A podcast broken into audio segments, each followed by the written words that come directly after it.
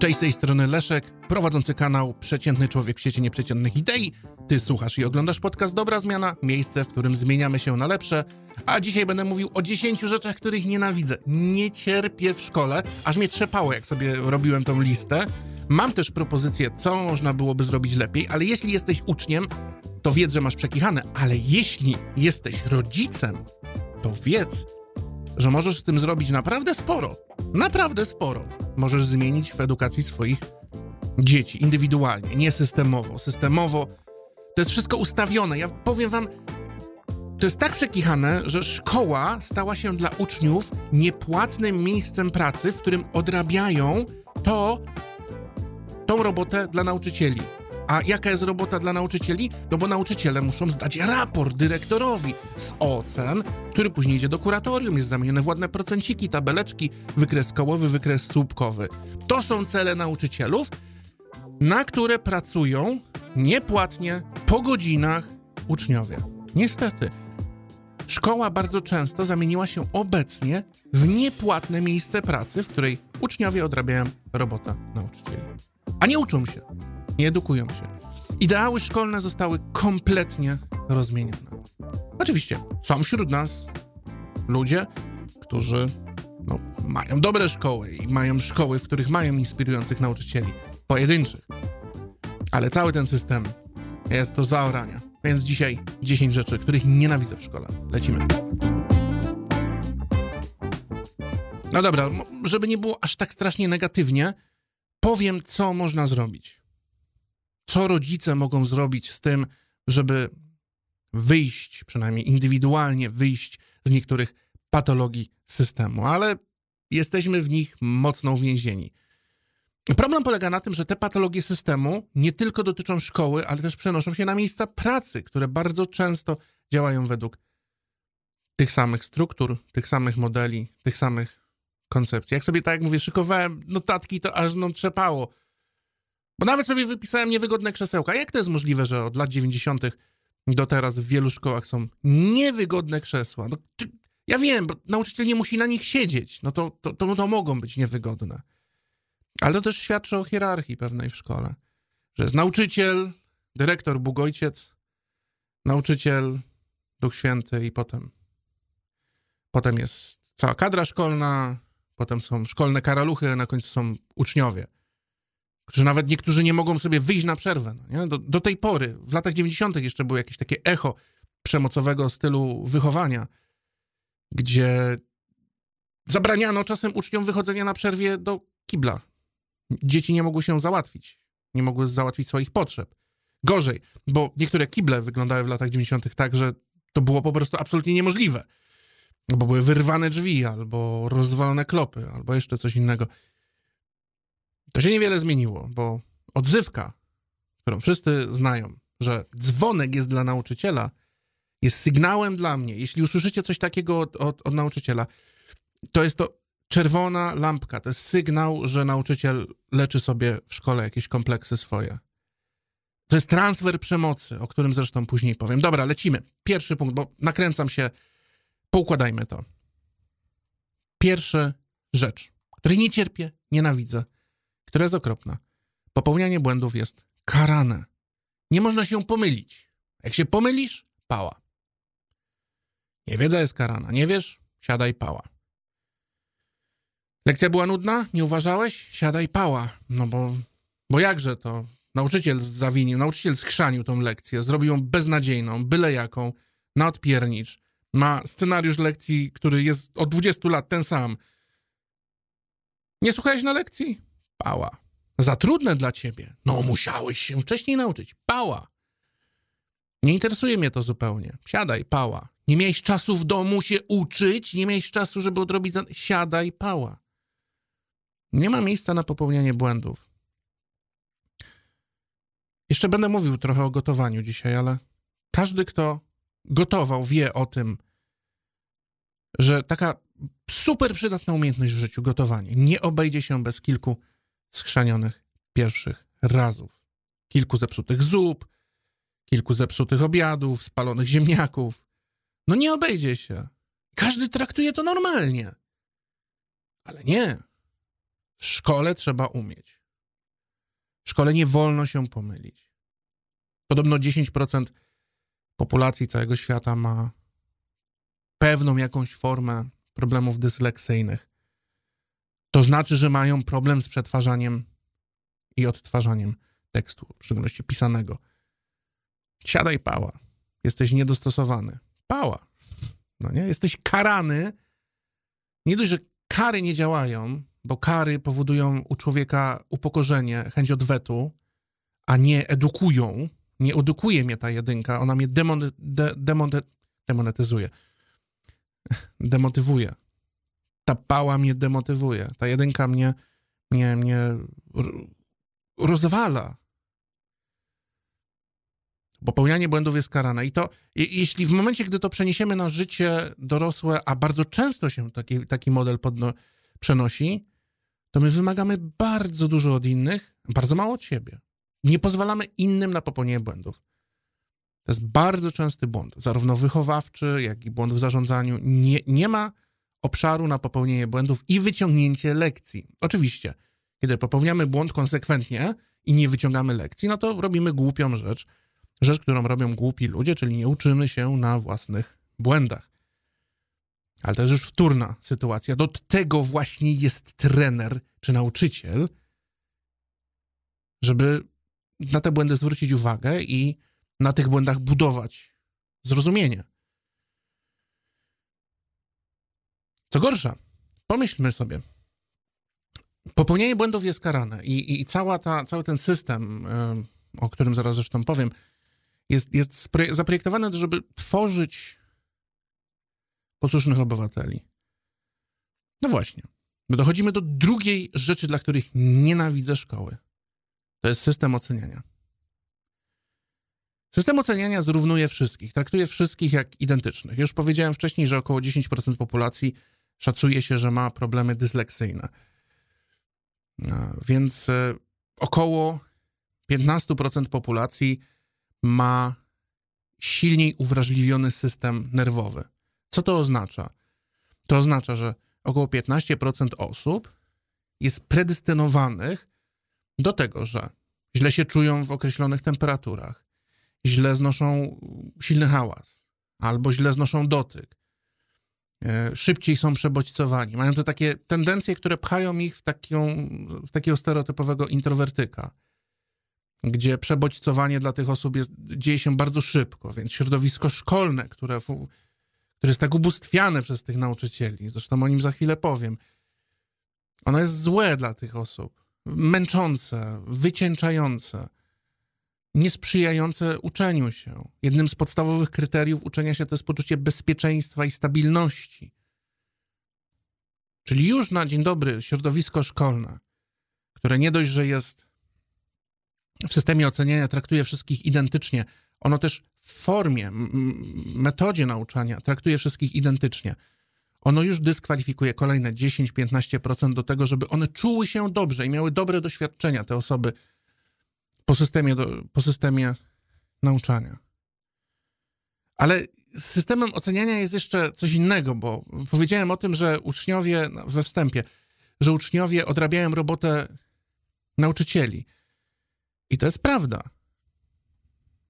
To jest prawda, że nauczyciele robią bardzo często coś, żeby zadowolić dyrekcję, a nie uczniów. Robią coś dla dyrekcji, bo, bo są wymagania. Są pewne oczekiwania wobec nauczycieli.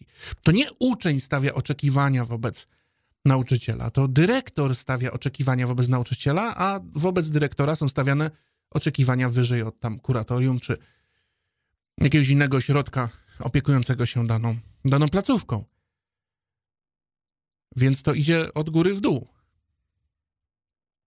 I, I teraz dla ambitnego ucznia dostanie jedynki jest dramatem, dla ucznia mało ambitnego jest, nie jest dramatem, ale dla statystyk nie ma to żadnego znaczenia. Tak samo dla statystyk nie ma znaczenia, czy uczeń nauczył się i rozumie, zakuł i zdał, czy są dwie opcje. Nauczył się, rozumie, zakuł i zdał. I trzecia opcja, ściągał.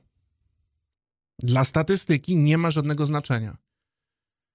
Dla potrzeby statystyki, dla odbębnienia swojego. I, wielu nauczycieli odbębnia swoje i tyle. Rozumie, jak pokonać ten system, tak samo jak uczniowie zaczynają rozumieć, jak rozgryźć system oceniania, tak samo tak samo nauczyciele zaczynają to też, też rozumieć. I ten system jest po prostu obchodzony. Tu nie zachodzi żadna edukacja. Ale jest jeszcze gorszy efekt. Gorszy efekt jest taki, że są uczniowie, którzy bardzo często słyszą, że są zdolni, ale lenia, że się nie uczą, ale mimo wszystko przechodzą na tam trójach, może dwójach, czasem czwórkę jakąś załapią, ale zupełnie się nie uczą. Są na tyle zdolni, na tyle dobrze łapią e, z tych lekcji, uczą się w lot, e, kojarzą pewne fakty, mają pewną zwinność e, umysłową, być może troszeczkę większą niż, niż inni, odrobinę sprytu, odrobinę umiejętności dedukcji, są być może troszeczkę bardziej dojrzalsi od, od swoich rówieśników. No i tak się przekulają przez tą edukację, przez ten system oceniania właśnie wadliwy, zdolni, ale lenia, ale w momencie, gdy zdarzą się z bardzo surowym rynkiem pracy, gdzie wymaga się kompetencji, gdzie wymaga się przyłożenia, gdzie bardzo często wymaga się bardzo dużo od danych osób, żeby dać od siebie, to ta osoba jest nieprzywykła do tego. Ta osoba jest przywykła do tego, że większość rzeczy przychodziło jej dość łatwo bo w tym systemie oceniania osoby sprytniejsze, osoby odrobinę dojrzalsze, bo mamy pewien wiek emocjonalny osób, on, on może się trochę różnić od wieku w metryczce. E, no i w tym momencie ta osoba poradziła sobie z prostym systemem oceniania w szkole, ale nie poradzi sobie, gorzej zderzy się w życiu i będzie to szalnie rozczarowujące e, doświadczenie. I teraz jest bardzo ciekawy podcast w ogóle mm, Krzysztofa Maja, który zalinkuję w, mm, w, w YouTube tutaj poniżej w opisie. Gorąco wam polecam. On jest też o, o właśnie edukacji, z którego zaczerpnąłem kilka naprawdę fajnych inspiracji i on, on, on mi uświadomił o tym, jak, jak bardzo dużo patologii jest i wejdźcie do Krzysztofa do, pod ten odcinek i dajcie mu znać że, że, że wykonuje fajną robotę. Krzysztof jest też wykładowcą, edukatorem, nauczycielem. Jest naprawdę fajną, mądrą osobą.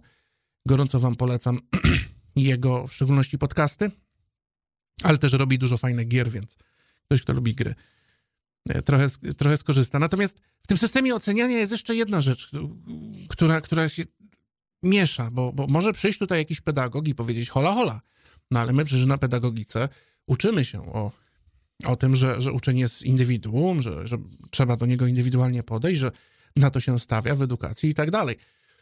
To są górnolotne słowa, tylko ja za każdym jednym razem, gdy, gdy widzę i rozmawiam i widzę różnego rodzaju programy szkoleniowe dla nauczycieli i rozmawiam z, z edukatorami, to ja widzę w kółko powtarzające się głupoty, błędy, mity edukacyjne.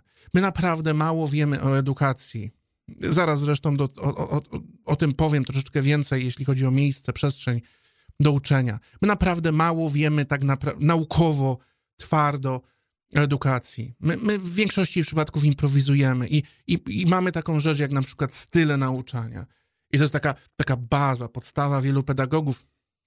Trzyma się tego jak niepodległości, że mamy słuchowców, wzrokowców, kinestetyków. Jest tych, styl, tych, tych, tych modeli jest trochę więcej, one ze sobą nawet konkurują w jakiś tam sposób i, i próbuje się do tych styli nauczania dostosowywać scenariusze lekcji i tak dalej. Tylko problem polega na tym, że style nauczania to jest nienaukowy mit edukacyjny. Wręcz są badania, które pokazują wręcz odwrotny efekt, że jak się dostosowujemy do danego ucznia, to wykonuje się gorszy efekt. Czyli jednym słowem możemy to wrzucić do y, worka z y, nazwą chcę dobrze, ale improwizuję, wydaje mi się, że to tak działa. To nie jest zasada naukowa, to jest mit edukacyjny. I tak samo mamy y, stożek Doyla, czyli y, y, piramidę uczenia się. Ja, ja, ja, się w ogóle o tym stożku Doyla to było przerażające, bo ja się o tym dowiedziałem nie, na, nie, nie w szkole, tylko się dowiedziałem na studiach to było uczone, o stożku Doyla, o piramidzie uczenia się. Ona tam mniej więcej idzie tak, że 10% tego, co się uczymy, to, to co słyszymy. Potem 20% jak słyszymy i to przyswajamy, 20% jak słyszymy i widzimy. Potem tam 30-40% jak słyszymy, widzimy i notujemy. Potem 60% jak widzimy, słyszymy, tam y, robimy coś i prawda, a potem 80% jak ktoś nam daje feedback i coś tam, coś tam. No ten stożek po prostu idzie, że, że, że spo, poziom przyswojenia. Problem polega na tym, że to jest jeden wielki mit edukacyjny. Nie ma czegoś tak, nie ma takich badań, nie ma takich potwierdzeń. Jedni przeczytają i zrozumieją w lot, inni nie. Nie wiemy dlaczego. My naprawdę mało naukowo wiemy, dlaczego pewne rzeczy się dzieją. Mamy pewne intuicje, mamy pewne przeczucia. Oczywiście praktyka yy, jasne daje większe rozeznanie, daje większe wyczucie. Ale nie wiemy, nie wiemy, dlaczego się uczymy tak naprawdę. Nie mamy naukowych, twardych podstaw, żeby stwierdzić, że uczniowie lepiej uczą się tak czy siak. Nie mamy. Mamy pewne intuicje, mamy pewne praktyki przez lata rozwijane. No, ale co na przykład wiemy? Co jest ciekawe, wiemy na przykład, że celowa praktyka opisana przez Andersa Eriksona w e, w naprawdę dobrej, dobrej książce Droga na szczyt, ona, e, PIK, Droga na szczyt, e, omawiałem ją nawet na kanale. To jest świetna książka o, o uczeniu się. Anders Ericsson to jest jeden z tych gości o, o tej, zamieszany w tą hipotezę 10 tysięcy godzin, które potrzeba do tego, żeby każdy, nawet osoba, którą określa się w cudzysłowie bez talencie, została ekspertem w jakiejś dziedzinie. Tylko projektując dobre ćwiczenia. Bardzo wam gorąco polecam Andersa Eriksena w tym, w tym zakresie. I tam były bardzo skrupulatne badania. I on też nie wie, dlaczego tak się dzieje na poziomie neurologicznym, na poziomie, na poziomie mózgu, na poziomie twardej nauki, ale wiemy, że na przykład celowe ćwiczenie, które on rozpisuje i o którym mogę, mogę dwa, trzy słowa powiedzieć jeszcze, yy, działa, funkcjonuje, osiąga naprawdę rewelacyjne rewelacyjne rezultaty. A o co chodzi w celowym ćwiczeniu? O tym, że, że w momencie, gdy chcemy coś ćwiczyć, to takie podstawowe założenie, które musimy założy, przyjąć, to jest to, że ludzie kształcą się nie wokół kompetencji ogólnych, tylko wokół kompetencji szczegółowych. Czyli nie uczę się na gitarze, tylko uczę się zagrać konkretny utwór. Nie uczę się języka, y, tam angielskiego czy niemieckiego, tylko uczę się konkretnej rozmówki i, i muszę ją opanować i zrozumieć. Albo jakiejś tam sekwencji zdań, albo jakiejś, jakiejś, jakiejś konkretnej sytuacji. Czyli wykształcam jakąś kompetencję szczegółową, w szczegółowym scenariuszu, wąską kompetencję. Jak jestem piłkarzem, to uczę się, na, na analogiach sportowych można to bardzo ładnie pokazywać, że jak jestem piłkarzem, no to uczę się, nie wiem, rzutów wolnych, rzutów karnych. Jestem bramkarzem, to uczę się, nie wiem, rzutów takich, sytuacji takich. Bardzo szczegółowo. Chodzi o to, że wybieramy wąskie to zagadnienie właśnie. Czyli jakby ta pierwsza rzecz. Ćwiczymy. Musimy zebrać bardzo szybko informację zwrotną, czyli musi nam ktoś towarzyszyć najlepiej. Albo informację zwrotną muszą nam dać przyrządy, które pomiarowe. I kolejna rzecz, trzecia. Trenerzy łatwiej wynajdują nasze ograniczenia w przekraczaniu barier w kompetencjach szczegółowych, czyli chcemy coś zrobić, trener szybciej dojrzy rzeczy, które nas ograniczają. Więc dobrze jest ćwiczyć z trenerem. Czwarta rzecz. Musisz wiedzieć, że idzie ci lepiej z treningu na trening, czyli musisz mieć jakiś standard pomiarowy. Jak y, robisz bez standardu pomiarowego, to trening to jest pusty przebieg. Piąta rzecz. Celowy trening ma być trudny, ma nieść porażki, ma być odrobinę poza granicami Twoich dotychczasowych możliwości musi być bardzo trudne. I ostatecznie to się gdzieś kumuluje w tym, że dzięki celowemu treningowi lepiej przewidujemy trudne sytuacje, lepiej czujemy ograniczenia naszego organizmu, naszej psychiki, lepiej przewidujemy to, co się wydarzy, mamy szerszy obraz sytuacji. Takie celowe treningi wykonuje się w każdym możliwym sporcie, czy to są szachy, czy to są sporty zespołowe. No po prostu to jest esencja, a my tego nie robimy w ogóle w edukacji. My w ogóle w edukacji nie robimy czegoś, co akurat jest na ogromnej ilości badań bardzo dobrze sprawdzone. A powielamy mity o jakichś, mm, stylach uczenia się albo o stożku Doyle'a. Kończąc o systemie oceniania, taka moja rada, rób swoje. Patrz na siebie, bo system oceniania zachęca nas do tego, żeby się oceniać i rodzice czasem robią ten memiczny błąd, że mówią, Krzysio dostał piątkę, a ty czwórkę. Czemu nie piątka? Karolina dostała piątkę, a ty truje. No i co z tego? Karolina miała rodziców, których stać na korepetycje, a ty nie. No i tyle. I koniec tematu. Rób swoje. Najpewniej przejdziesz przez życie nigdy nie wykorzystując żadnej oceny cząstkowej, końcoworocznej, więc się nimi nie przejmuj tak bardzo. Bo oczywiście możesz przejść przez życie, będąc traumatyzowanym przez jakiegoś nauczyciela terrorystę. Może tak być. Oceny, tak samo jak dzwonek, są dla nauczycieli. Pamiętaj o tym. Nie dla ciebie. Kręci cię jakiś sport? Idź w to. Kręci cię jakieś hobby? Pogłębiaj. Nie pozwól sobie wytrącić z rąk tego, jeśli cię coś pasjonuje. A szkoła bardzo chętnie to zrobi. Trzecia rzecz, za którą nienawidzę szkoły. I ona też została bardzo fajnie wyrażona w tym podcaście Krzysztofa Maja. To jest miejsce i format nauczania. Miejsce i format nauczania. Miejsce, czyli ta cholerna szkoła, ten budynek. Naprawdę nie ma potrzeby, żeby lekcja trwała 45 minut i nie ma dobrych naukowych podstaw do tego, żeby twierdzić. Wszyscy, którzy twierdzą inaczej, źle czytają badania, nie potrafią czytać badań. Jest dobrze przebadane mniej więcej 20-minutowy, 25-minutowe okno uwagi dorosłych osób. Takie, gdzie możemy utrzymać bardzo wysoką, bardzo wysoką uwagę. Ale w jakimś konkretnym scenariuszu. Scenariuszu, w którym siedzimy, jak te durne kołki na krześle niewygodnym i gapimy się na tego nauczyciela, który coś tam sobie pod wąsem opowiada. Wtedy te 20-25 minut jesteśmy w stanie wytrzymać.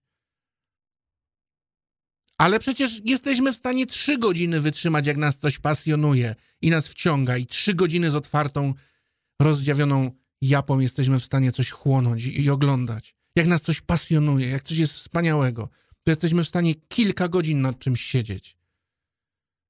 Więc to nie jest żadna zasada, że lekcja powinna trwać 45 minut, bo tak, wykazały jakieś tam, tak, badania prowadzone w klasach szkolnych, ale jeśli lekcje wykonuje się w innym środowisku, w innym otoczeniu, to te parametry będą zupełnie inne. Będą zupełnie inne. Nie ma tego prawnie uregulowanego. To też jest bardzo istotne. To tylko szkoły sobie wymyśliły, że to będzie trwało 45 minut. Nie musi odbywać się w klasie. To też nie jest prawnie uregulowane. Nie musi być dziennika z ocenami. To też jest wymysł szkoły, że oceny cząstkowe. Ma być ocena końcowa, ok. Ma być raport do kuratorium, ok. Ale nie jest to uregulowane prawnie. Paradoksalnie mamy dość liberalne prawo edukacyjne. Oczywiście jest obowiązek szkolny i rodzice muszą posłać dzieci do szkoły, jakaś szko do jakiejś szkoły dziecko musi uczęszczać, ale może to być edukacja domowa gdzie szkoła tylko sprawuje pewną opiekę nad dzieckiem i egzaminuje dziecko pod koniec roku, ale cały prawie rok dziecko spędza w domu. Pod pieczą rodzica i rodzic organizuje wtedy konkretne zajęcia, realizuje pro, podstawę programową. I z reguły robi to dużo, dużo szybciej, dużo, dużo sprawniej. Przynajmniej ci bardziej rozgarnięci rodzice. Ale nie ma takich obowiązków. I nie ma takich badań, które by to wspierały. W innym środowisku mamy inne czasy uwagi. Tyle. Zresztą metoda organizacji jest. Jeszcze mam drugą pretensję do metody organizacji. Plan dnia. On jest tak poszatkowany, to jest absolutnie bez sensu. Matematyka WF to tysiąc rzeczy z różnego worka. Wymieszanie z poplątaniem. Bez sensu. Może dzień przedmiotów matematycznych, dzień przedmiotów przyrodniczych, dzień taki, dzień siaki. Dni tematyczne, dni nie ma obowiązku, żeby szatkować w taki sposób plan, plan zajęć. Kto to zrobił, po co to zrobił, nie wiem, nie mam pojęcia. Utrudnia sobie życie. I trzecia rzecz, która u Krzysztofa Maja w tym podcaście, naprawdę wam polecam, jest, jest super, e, e, bardzo ładnie wybrzmiała, to są zadania domowe. To jest jakiś terror. Nie ma obowiązku robienia zadań domowych. To, że szkoła sobie je wymaga, to jest wymóg nauczyciela, to jest jego nieumiejętność przeprowadzenia lekcji, nieumiejętność szkoły, upchnięcia tego, zrobienia tego dobrze, mądrze. Zadanie domowe? No słuchajcie, jeśli toksyczność zadań domowych jest tak wielka. Ma, mamy sytuację, w której oczekuje się od uczniów i jednym z mankamentów jest to, że, że w szkole brakuje przedmiotów, gdzie uczymy się umiejętności miękkich, współpracy, empatii, rozwiązywania konfliktów, rozmawiania, dialogu, przemawiania, takich prostych rzeczy. No więc ktoś to może powiedzieć, no to nauczy się po szkole. Kiedy ma się nauczyć po szkole, jak ono dziecko o 19 dopiero schodzi z, z biurka, bo, bo dopiero skończyło odrabiać lekcje? Za przeproszeniem dymać na, tych, na wyniki tych nauczycieli, żeby nauczyciel był szczęśliwy pod koniec, pod koniec roku. To jest nieporozumienie. To jest absolutne nieporozumienie. Zadania domowe to jest, to jest największa tragedia, dramat i, i masakra. Masakra. Masakra też psychiczna, psychologiczna. Idziesz do roboty na 8 godzin, jest wiele miejsc pracy, gdzie idziesz na 8 godzin, potem masz w nosie wszystko, robisz sobie w domu, w swoim prywatnym czasie, co chcesz. A dzieciaki? Absolutnie współczuję. Absolutnie współczuję. Zadania domowe i rodzice, którzy cisną po tych dzieciach te zadania domowe, to jest dramat. A nauczyciele, którzy dociskają tych zadań domowych? Moim zdaniem może się część edukatorów na mnie obrazić. Ale wy chyba nie rozumiecie dzieci. Wy nie rozumiecie dzieci. Nie rozumiecie, jakie potrzeby mają dzieci. Czemu zadajecie im zadania domowe? Czemu ich męczycie po godzinach? Przecież na pierwszych zajęciach was uczą, że dzieci uczą się przez zabawę. Że młodzież też uczy się przez relacje, przez poznawanie rzeczy. Wiecie o tym dobrze i dopierdzielacie im zadań domowych, które są nudne, nieciekawe, ale mają wam tylko zapewnić punkty i słupki na egzaminach. Ech. Sorry, ale jak tak postępujecie, to kolektywnie nie nadajecie się do edukacji. Kolektywnie. Ponosicie odpowiedzialność za klęskę edukacyjną, jeśli taka klęska w ogóle nadchodzi, być może nadchodzi. No nie wiem, ten system edukacji jest po prostu dramatyczny pod tym kątem. To nas prowadzi do czwartej rzeczy, której nienawidzę w szkole. To są godziny nauczania. To już będzie krótszy punkt. On wynika z tego poprzedniego, z metod organizacji, ale dzieciom się każe przychodzić jak do fabryki na ósmą rano. Ja miałem zajęcia w technikum na siódmą, bo argument był taki, no bo tak się zaczyna na przykład w niektórych miejscach w administracji państwowej, e, gdzie bardzo dużo ludzi kończących ekonoma, technikum ekonomiczne, do którego no, e, e, chodziłem, kończy właśnie pracę, jakby pracuje w administracji państwowej, w różnych tam urzędach, nie urzędach, no i o siódmej się zaczyna. I taki był argument. Kogo obchodzi ten argument? Ty się masz nauczyć, kiedy umysł jest najsprawniejszy. 15 minut po przebudzeniu? Leniwym? W zimowy dzień, gdzie jasno się robi dopiero o 7.30 czy 7? A my od 7 siedzieliśmy, ciemno było, jak żeśmy przychodzili, wychodziliśmy ze szkoły, jak było ciemno. Dramat. Potem dzieciaki są niedospane, dzieciaki później mają coś takiego, co zresztą opisuję w moim kursie Pożegnaj prokrastynacji w mojej książce.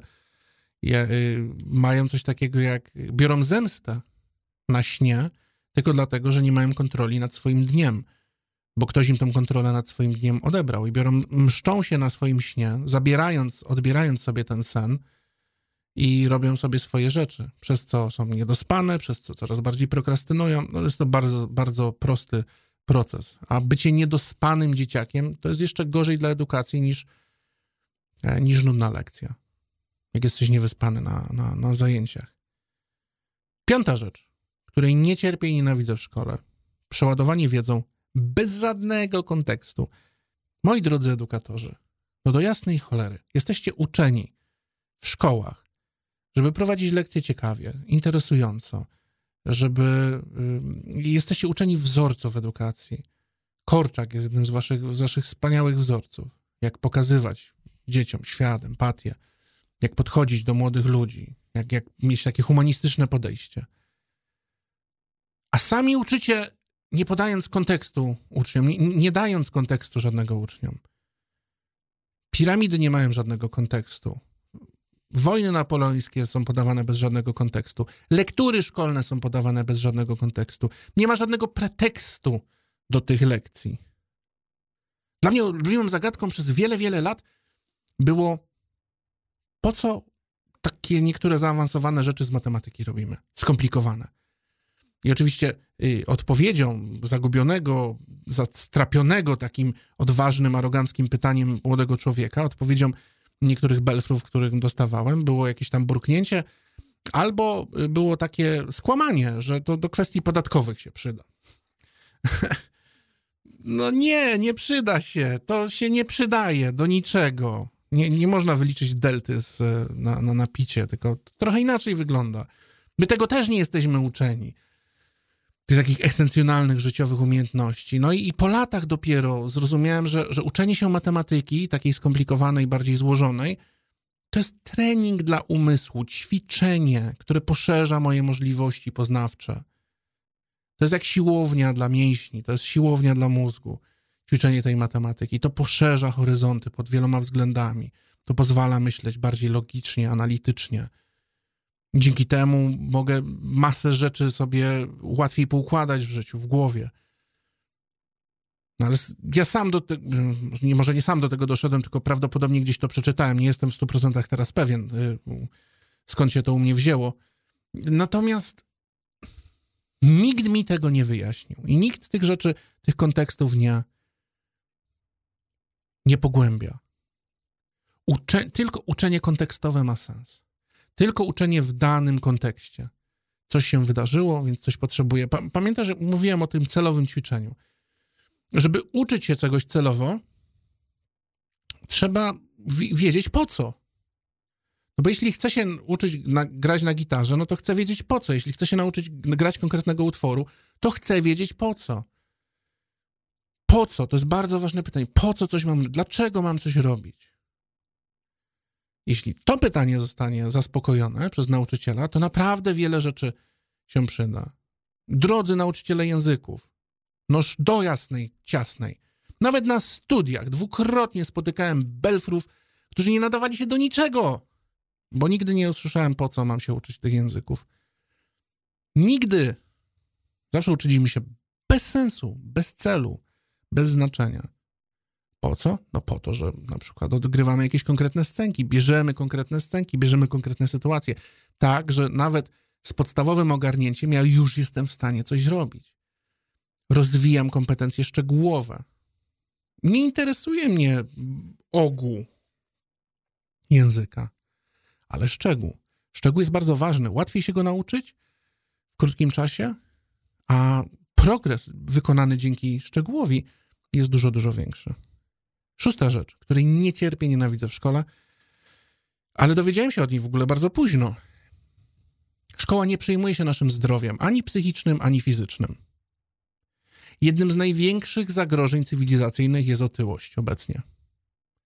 Dlaczego w szkole, w której są absolwenci AWF-u i uczą WF-u, na AWF-ie są przedmioty dieta, dietetyka, właściwe odżywianie, Czemu nie ma zajęć z gotowania? Jedna z najważniejszych umiejętności w dorosłym życiu, jaką możesz posiąść, to jest gotowanie. Zdrowo i smacznie. Czemu się tego w szkole nie uczymy? Nie mam zielonego pojęcia. Czy mamy możliwości? Tak, mamy nawet, tak mówię, absolwentów AWF-u, więc ludzi, którzy mają kompetencje do tego, żeby przekazać informacje dietetyczne. Można wynająć dietetyka i niech przyjdzie i niech poopowiada o, o kwestii odżywiania. Niech ta edukacja zaistnieje. To jest jeden z największych problemów cywilizacyjnych. Czy to będzie dużo szkołę kosztowało? Raczej nie. Ale nawet jeśli ten koszt poniesiony w szkole zwróci się tysiąckrotnie w mniejszej ilości zawałów, problemów, wizyt u lekarza przez całe życie osób, które trochę lepiej zadbają o swoje zdrowie. Dzięki właśnie takim na przykład zajęciom, albo będą dla siebie gotowały, zamiast jeść na mieście czy w fast foodzie. To samo zdrowie psychiczne. Olbrzymie zagrożenie cywilizacyjne to depresja. Jak diagnozować, jak rozmawiać, jak się z tym czuć, gdzie się udać, co robić? Nic. Zero. Przecież, drodzy pedagodzy, wy to wiecie. Jesteście uczulani, uczeni. Czemu z tym nic nie robicie? Należycie do rad pedagogicznych, należycie, możecie z dyrektorem rozmawiać na ten temat. To oczywiście jest trochę kłopotu. Oczywiście, jest trochę zachodu, ale to się da zrobić. Nie ma żadnych przeciwwskazań, żeby zrobić zajęcia profilaktyczne. Nie wiemy, jak rozwiązywać konflikty, jak się kłócić między sobą, mediować, jak się kłócić ze swoją świeżo poznaną dziewczyną, jak przeżywać e, rozstania, jak utrzymywać związek, jak utrzymywać pierwsze kontakty seksualne. Przecież to jest parodia w naszym kraju, w środku Europy, że nie mamy zajęć, z, poważnych, dobrych zajęć z edukacji seksualnej. Bo oczywiście krzyżoprawica robi swoją histerię o masturbacji czterolatków i jakichś innych tyrdymałach. Są ludzie, którzy po prostu mają jakąś mokrą fantazję o seksie wszystkich z wszystkimi. Są ludzie tacy.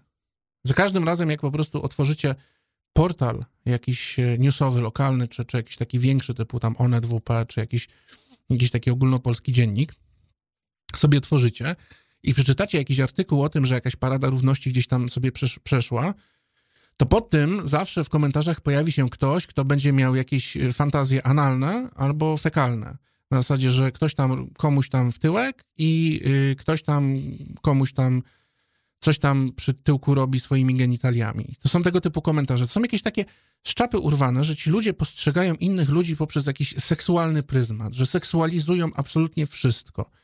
A paradoksalnie edukacja seksualna dobrze prowadzona jest odseksualizowana w tym sensie, że tu nie ma cząstki perwersyjnej, tylko jest cząstka zdrowia, zdrowia psychicznego i zdrowia fizycznego. To jest zapobieganie chorobom, to jest zapobieganie niechcianym ciążom, to jest zapobieganie dramatom pojedynczych dzieci.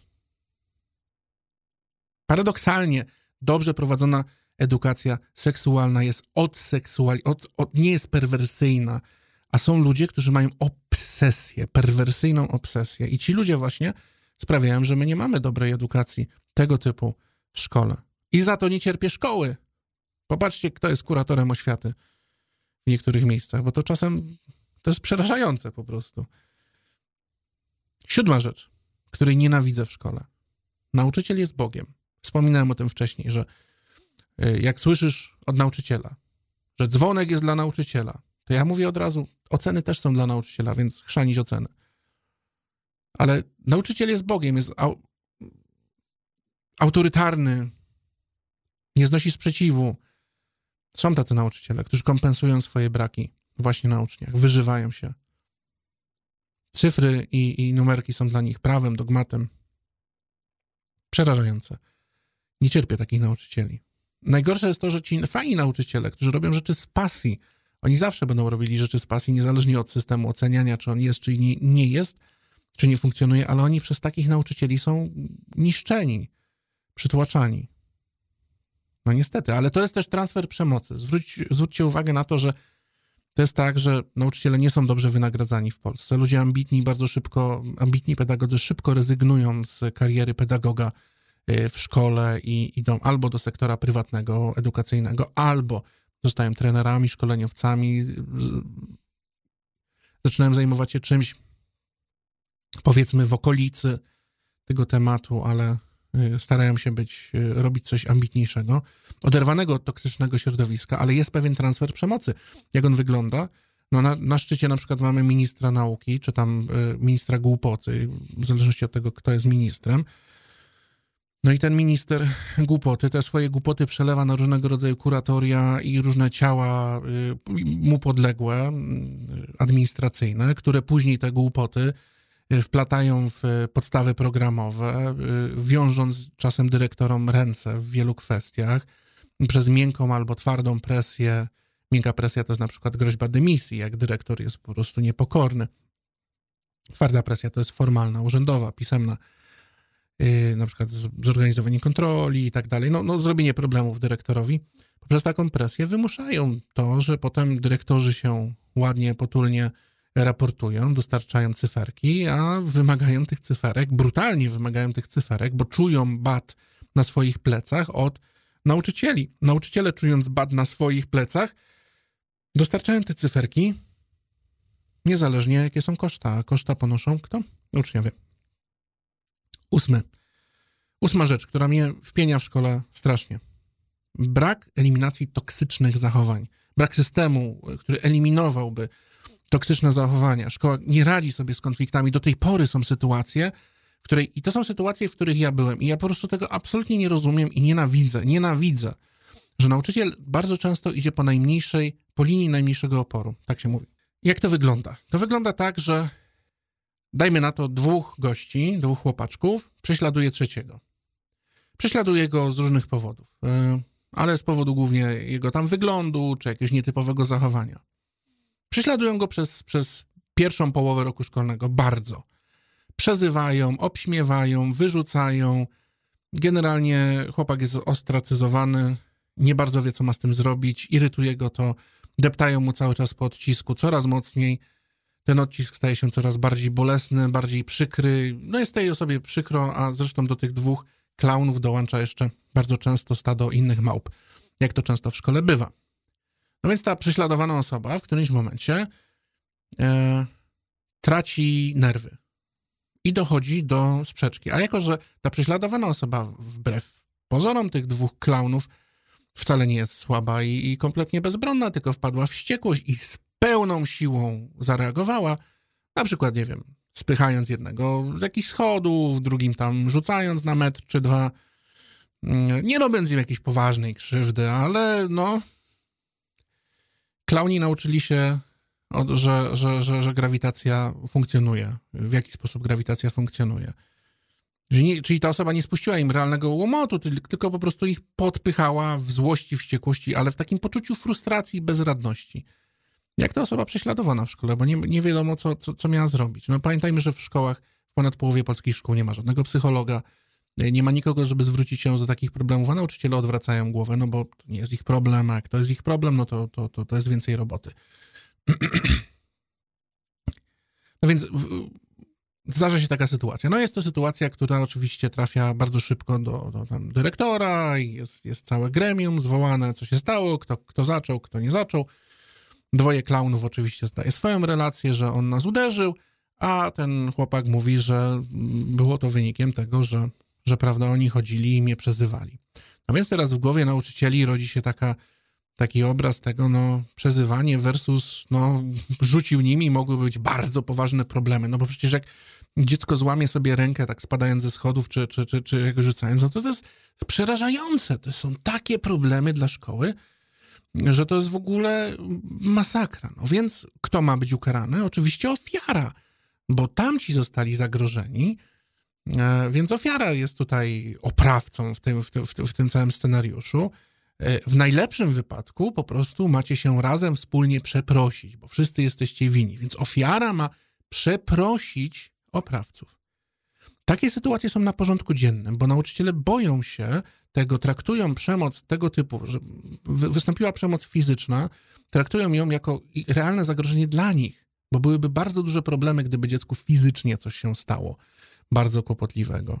A nikt w takich sytuacjach nie zastanawia się, jak połamana psychika jest tego chłopca, który jest prześladowany przez tych dwóch klaunów.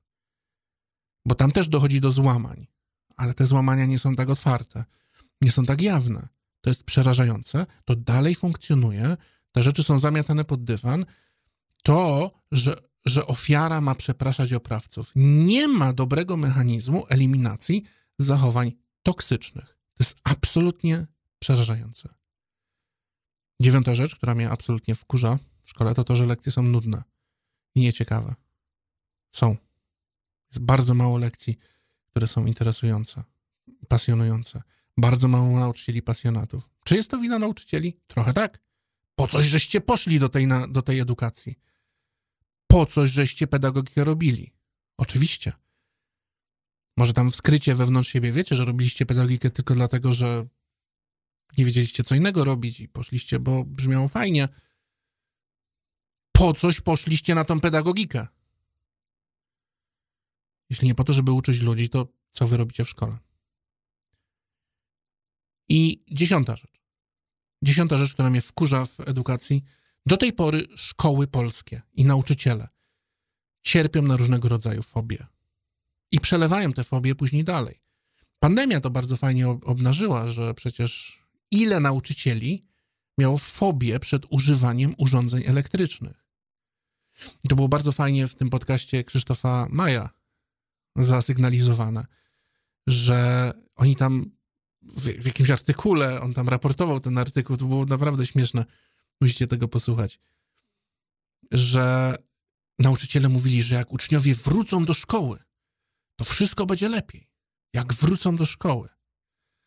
No tak, bo nauczyciele boją się elektroniki, bo nie mają tak wielkiej kontroli nad salą, nad, nad klasą. Nie, nie mają, tracą kontrolę, tracą status Boga, tracą status. Ale celem nie jest zaspokojenie nauczycieli i ich fobii, tylko nauczenie. Jeśli edukacja zdalna źle spełniała, spełniała założenia edukacyjne, to w, czy, w czym jest problem? W technologii czy w niedostosowanym nauczycielu? No to musicie sami sobie odpowiedzieć na pytanie, ja mniej więcej odpowiedź jestem w stanie zasugerować. Ale nauczyciele mają inne fobie. Fobie od internetu, fobie od gier. Przecież dalej gry są wyszydzane przez wielu e, nauczycieli. Fobie od nietypowych pasji, od rzeczy, które wydają się niezarobkowe. Ktoś ma pasjonującą pasję, nauczyciel tak samo jak rodzic może zgasić ucznia jak zapałkę. Przerzucanie fobii frustracji to jest częsta rzecz w szkole. Więc powtórzę to na końcu. Szkoła bardzo często teraz staje się dla uczniów bezpłatnym, niepłatnym, przepraszam, niepłatnym miejscem pracy, gdzie to uczniowie odrabiają zadania nauczycieli, które później nauczyciele raportują dalej dyrekcji. Mam nadzieję, że to się zmieni. Chciałbym, żeby to się zmieniło. Życzę mojemu synowi, żeby to się zmieniło. Życzę wam wszystkim, żeby się w końcu coś w tym systemie zmieniło. Do następnego podcastu.